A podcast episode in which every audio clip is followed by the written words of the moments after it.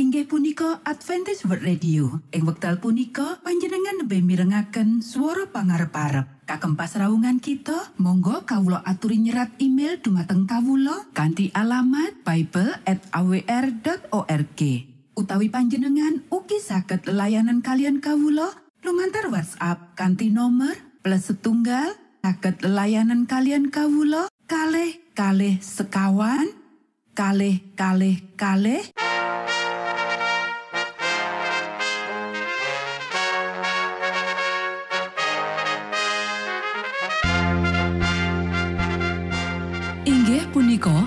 Adventist World Radio ingkang giaran kanti basa Jawi. Tentrem Rahayu kula aturaken kagem para mitra kinasih ing pundi papan lan panggonan. Sugeng pepanggian malih kalian Adventist World Radio. Kanti bingahing manah Kulo badi sesarengan kalian poro mitra kinasi. Lumantar saperangan adicara ingkang sampun rinonci. Mligi kagem panjenengan sami. Mugi giaran punika saged migunani tuen dados berkah kagem kita sedoyo. Sugeng midhangetaken Gusti amberkahi.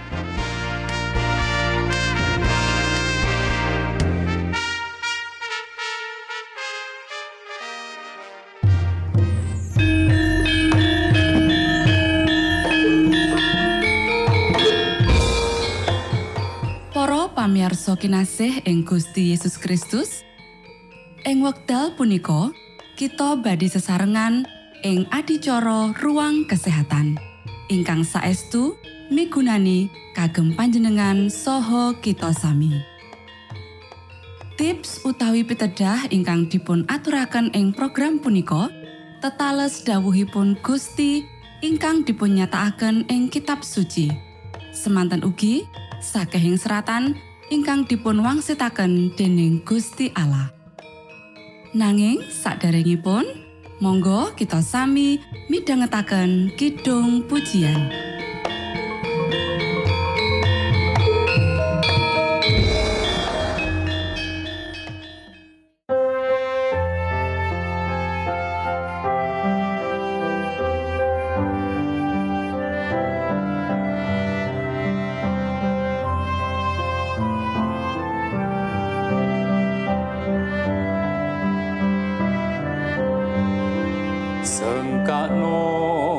Gusti pranyata tumrap kang wis meh mati lan tumrap kang ngelak samyo kapringan tirta sakti. Manah kang asor lan suci Gusti mirsa lan nampi kang samyo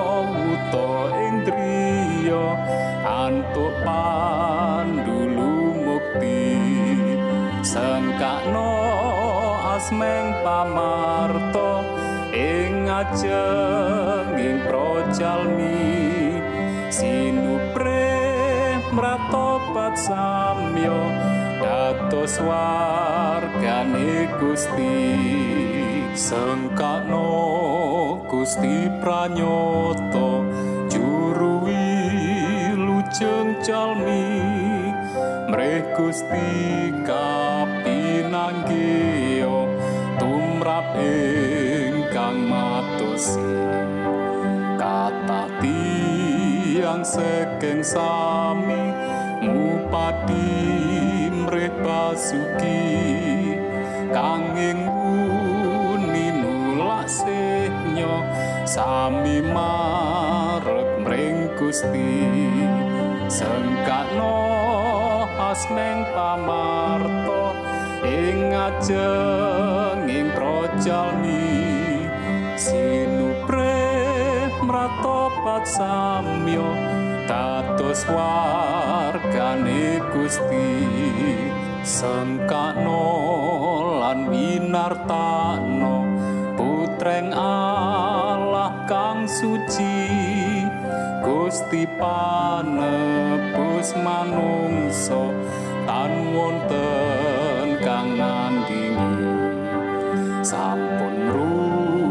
jatuh sojalmi dekorban yo kang ati. Saoso puji gustinyo juru wilujeng jati. Sengkakno asmeng pamarto ing ajeng ing projalmi sinupre mratobat samyo dados wargane Gusti.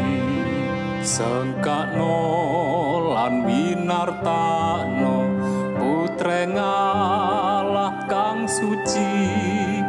Gusti panebus manungso tan wonten kang ngandini sampun rujatuh sojalmi dikurban yo kang ati saoso puji gustinyo juru wilujeng jati sengkakno asmeng pamarto ing ajeng ing projalmi.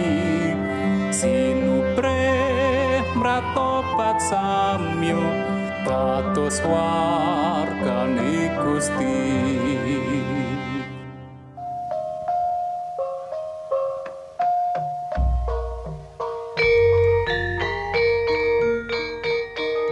Para Mitra Sutrisno Puji syukur dumateng Gusti ingkang murbeng dumati ingkang sampun kepareng paring wewenngan kagem kita.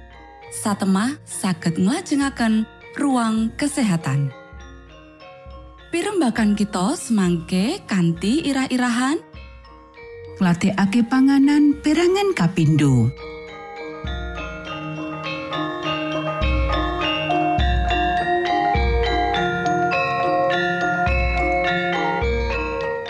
Nuwun dumateng para pamiarsa ingkang dahat kinormatan, sugeng pepanggihan malih kalian kula Isti Kurnaidi ing adicara Ruang Kesehatan. Ing dinten punika ganti irah-irahan ngladekake panganan perangan kapindo. Para sedherek ingkang kinasih, panganan sing setengah mateng lan ora dimasak kanthi teliti ngrusak getih kanthi ngringkehake organ-organ sing gawe getih. Iki ngacokake awak lan gawa lelara dibarengi karo gangguan saraf lan watak sing ala. Korban-korban saka panganan sing ora dimasak nganti mateng jumlah ewonan malah puluhan ewu. Mungkin perlu uga dituliske ing kene. Mati merga panganan sing dimasak ora apik. Mati merga panyalahgunaane weteng. Yaiku kewajiban-kewajiban sing suci kanggo wong-wong sing masak panganan kanggo nyinau kepiye carane ngladekake panganan sing nyihatake. Akeh jiwa sing ilang dadi akibat saka cara masak sing ora apik. Diperlokake kearifan lan kapedulen kanggo gawe roti sing apik, nanging sakjroning sejuwil roti sing apik ana pengajaran sing luwih apik ketimbang sing akeh dipikirake wong. Mung sedidik banget juru masak sing apik. Wanita muda rumangsa menawa masak iku sawijining gawean kasar, kaya uga gawean rumah tangga liyane. Amarga alasan iki, mula akeh prawan sing nikah lan ngurus rumah tangga mung duweni sedidik pangerten ngenani kewajiban-kewajiban bojo lan ibu. Masak dudu ilmu sing enteng. Lan iku salah siji bab sing paling penting sakjroning panguripan sing praktis. Iku iya ilmu sing kudu disinauni dening kabeh wanita lan kudu diwulangake sakjroning siji cara sing nguntungake kaum sing luwih melarat. Kanggo gawe panganan dadi lesat lan sakjroning wektu sing padha, panganan iku prasaja lan nyehatake nuntut keterampilan. Para juru masak kudu mangerteni kepiye ngladekake panganan prasaja kanthi cara sing prasaja uga nyehatake supaya panganan iku krasa luwih enak lan uga luwih nyehatake merga kaprasajane. Saben wanita sing dadi kepala rumah tangga ning ora mangerteni seni masak sing sehat kudu nduweni tekad nyinaoni bab sing wigati banget kanggo kesejahteraane keluargane. Ing akeh panggonan, sekolah masak sehat, menehi wewengan kanggo entuk pitutuh ngenani bab iki. Wanita sing durung duweni bantuan kanggo kaperlon iki kudu melu sinau dadi juru masak sing terampil, tekun sakjroning usahane ngenekake owah-owahan apik nganti dheweke dadi ahli ing bidang ilmu masak iki. Para sederek, keteraturan wektu mangan penting banget. Kudu ana wektu mangan sing ditemtokake kanggo saben mangan. Ing wektu iku, mugia saben wong mangan apa sing diperlokake awak lan aja maneh mangan apa-apa nganti tekan wektu mangan sabanjure.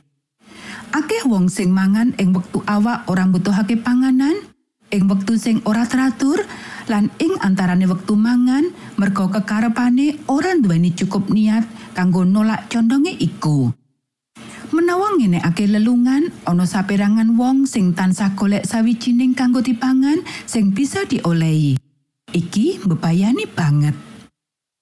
Para sederek, saumpamane wong-wong sing ngenekake lelungan iku mangan kanthi teratur, panganan prasaja sing bergizi, mula dheweke ora bakal krasa kekeselen lan uga ora nandang sengsara banget. Para sederek, sawijining pakulinan ala liyane ya iku mangan cedhak karo sadurunge turu. Wektu mangan sing teratur mungkin wis dilakoni. Nanging merga rumangsa lemes banjur mangan maneh. Kanti manjakake mula praktek sing kliru iki dadi pakulinan sing asring kuat banget nganti dianggep mokal menawa bisa turu tanpa panganan.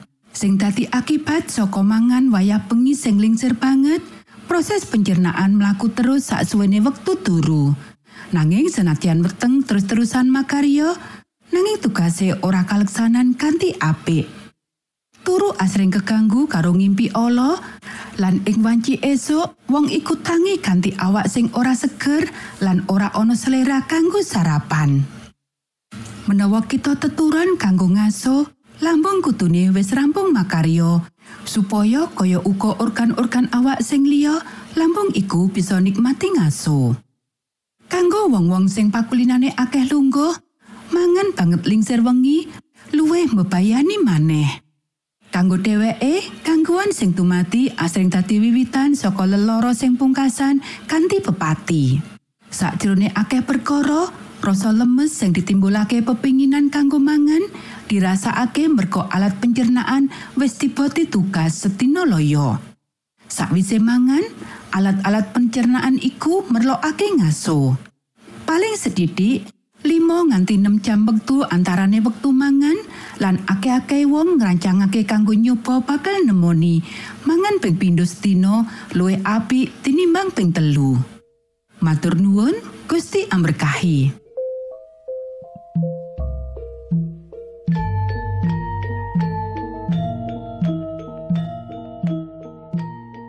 Cekap semanten pimbakan ruang kesehatan ing episode dinten punika. Ugi sampun kuatos jalaran kita badhe pinanggih malih ing episode sak lajengipun.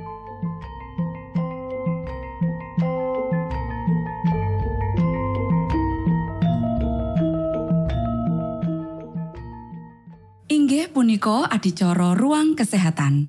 Menawi panjenengan gadah pitakenan utawi ngersakaken katrangan ingkang langkung, monggo kulo aturi. Kinton email dateng alamat ejcawr@ gmail.com utawi lumantar WhatsApp kanti nomor 025 pitu 00 songo songo papat 00 pitu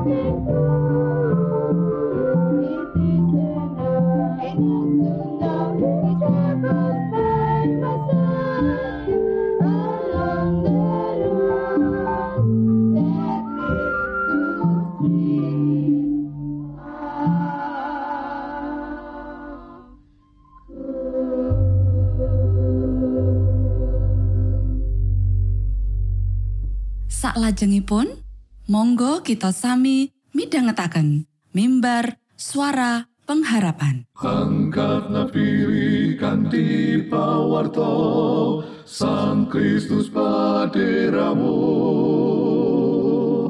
Pro umat samyo puji asmanyo Sang Kristus paderamu Inggih punika mimbar suara pengharapan. Ing episode punika kanthi irah-irahan Sabto wonten saklebetipun wujud manungsa. sugeng midhangetaken. tondo Sang Kristus paderamu ilmu kawero tambah tambah Sang Kristus paderamu paderamu paderamu Sang Kristus paderamu Shalom, para pamirsa ingkang kinasih wonten ing Gusti. Sakmenika kita badhe mitangetaken renungan Sabto pangandikanipun Gusti. Ing dinten punika kanthi irah-irahan Sabto wonten saklebetipun wujud manungsa. Para sedherek ingkang kinasih, dawuh pangandikanipun Gusti wonten ing kitab Matius pasal pitu ayat 29 inggih punika awit anggone mulang kanthi panguwasa ora kaya pamulange ahli Toret. Para sedherek ingkang kinasih, mangagem jubah kamanungsan, Putra Allah mandhap dhateng tataran tiang-tiang ingkang karsanipun badhe dipun wilujengaken. Wonten panjenenganipun boten wonten kalepatan utawi dosa. Panjenenganipun tansah suci tanpa blentong. Namung panjenenganipun nanggel sifat kita ingkang dosa. Boten keilahianipun kanthi kamanungsan supados panjenenganipun saged serawung kalian titah manungsa ingkang sampun dumawah. Panjenenganipun sampun budidaya nebus manungsa ingkang sampun ical amargi boten mituhunipun Bapa Adam. Wonten salebetipun kepribatosanipun piyambak, Gusti Yesus ngatingalaken kapribatosan Allah. Panjenenganipun boten ngremenaken diri piyambak, namung nindakaken kasaenan. Riwayatipun salami langkung tigang dasa warsa menika sawetahipun suci, kanthi kasaenan ingkang boten pilih asih. Para sederek, menapa kita ngungun menawi tiang-tiang mirengaken panjenenganipun ngungun-ngungun dumateng wewucalipun? Panjenenganipun mucal tiang-tiang jejer kados tiang ingkang kagungan kuwaos. Boten kados ahli-ahli Toret. Wewucalan ahli-ahli Toret lan tiang Farisi menika setunggalipun pangambalan ingkang lajeng kemawon perkawis carios karangan lan padatan kados lare alit. Pemanggih-pemanggih lan upacaranipun ada dasar dumateng ilo-ilo kino lan pangantikanipun para guru ingkang boten tumata lan boten kino. Sang Kristus boten kendel salebetipun pangantikan ingkang ringkih lan to asring teori-teori manungsa. Panjenenganipun ingkang kagungan purba wasesa langkung inggil ngendika dumateng para pamiringipun ngaturaken ing sangajengipun tiang-tiang perkawis-perkawis wigatos lan dawuh-dawuhipun ngeyakinaken manahipun. Pemanggih sedaya tiang dipun aturaken dening kathah tiang ingkang boten saged kendel mawon inggih menika boten nate setunggal tiang ngendika kados piyayi niki. Para sedherek ingkang kinasih, kitab suci mucalaken sedaya kersanipun Gusti dumateng kita. Ucalan sabdanipun menika dipun wigatosaken wonten ing sedaya kawontenan ing pundi kita saged dipun panggenaken. Ucalan sabdanipun inggih menika wewaler kapitadosan lan tindakan ingkang jumbo. Amargi menika inggih suwantenipun Gusti Allah ingkang ngendika dumateng jiwa. Maringi para wargi kulawarganipun dawuh kagem ngrimat manah kanthi sedaya tetekun. Menawi sabda menika boten namung waton dipun waos, namung dipun gilut-gilut, Menika badhe njangkepi kita kanthi segudang pangertosan ingkang maringi kegiatan kita saged nampi nugroho peparingipun Gusti Allah. Sedaya ingkang sowan nyuwun tuntunan Sabto Allah kanthi andhapipun manah penggalih ingkang kepingin mangertos kagungan tekad kagem mangertosi syarat sarana kawilujengan badhe mangertos menapa ingkang dipun ngendikaaken Sabtu suci. Para sederek, kita wigatos supados ngandhapaken manah kita lan kanthi tulusipun manah lan hormat niti preksa sabda pakesangan. Kagem penggalih ingkang andhap asor lan meratobat kemawon ingkang saged mirsani pepadang. Gusti ngendika dumateng manah ingkang ngandhapaken diri wonten ngarsanipun panjenenganipun. Monggo kita sami ndedonga. Duh Rama kawula ingkang wonten ing swarga, asma patuko mugi kasucikaken. Kraton patuko mugi rawuh. Karsa patuko mugi kalampahan wonten ing bumi kados dene wonten ing swarga. Kawula mugi kaparingan rejeki kawula sak cekapipun ing dinten punika. Saha patuko mugi ngapunten kalepatan kawula kados dene kawula inggih ngapunteni tetiang ingkang kalepatan dhateng kawula. Punapa dene kawula mugi sampun ngantos katantukaken dhateng ing panggoda. Nanging mugi sami patuko uwalaken saking piawon. Awit dene patuko ingkang kagungan kraton saha wiseso tuwin kamulyan salami laminipun. Amin.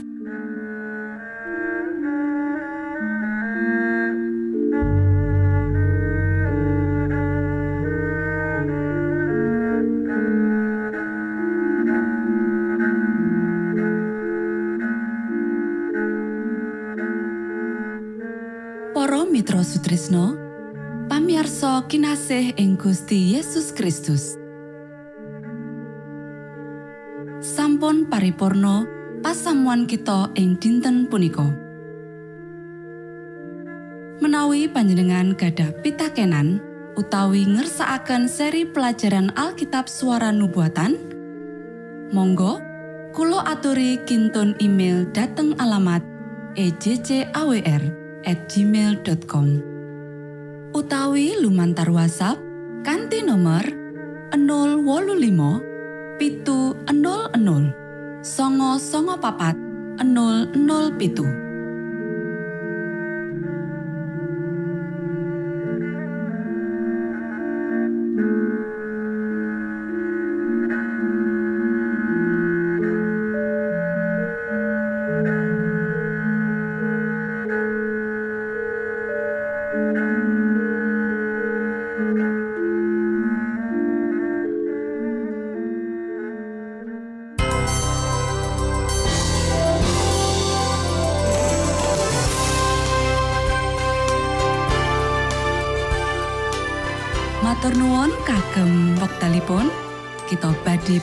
malih ing gelombang ugi wekdal ingkang sami.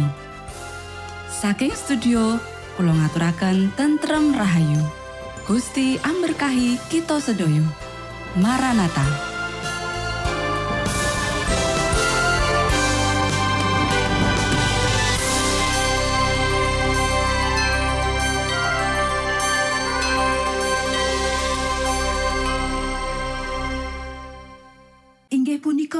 Adventist World Radio. Ing wekdal punika panjenengan lebih mirengaken swara pangarep-arep. Kagem pasraungan kita, monggo kawula aturi nyerat email dumateng kawula kanthi alamat bible@awr.org. Utawi panjenengan ugi saged layanan kalian kawula lumantar WhatsApp kanthi nomor plus setunggal saged layanan kalian kawula kalih kalih sekawan kalih kalih kalih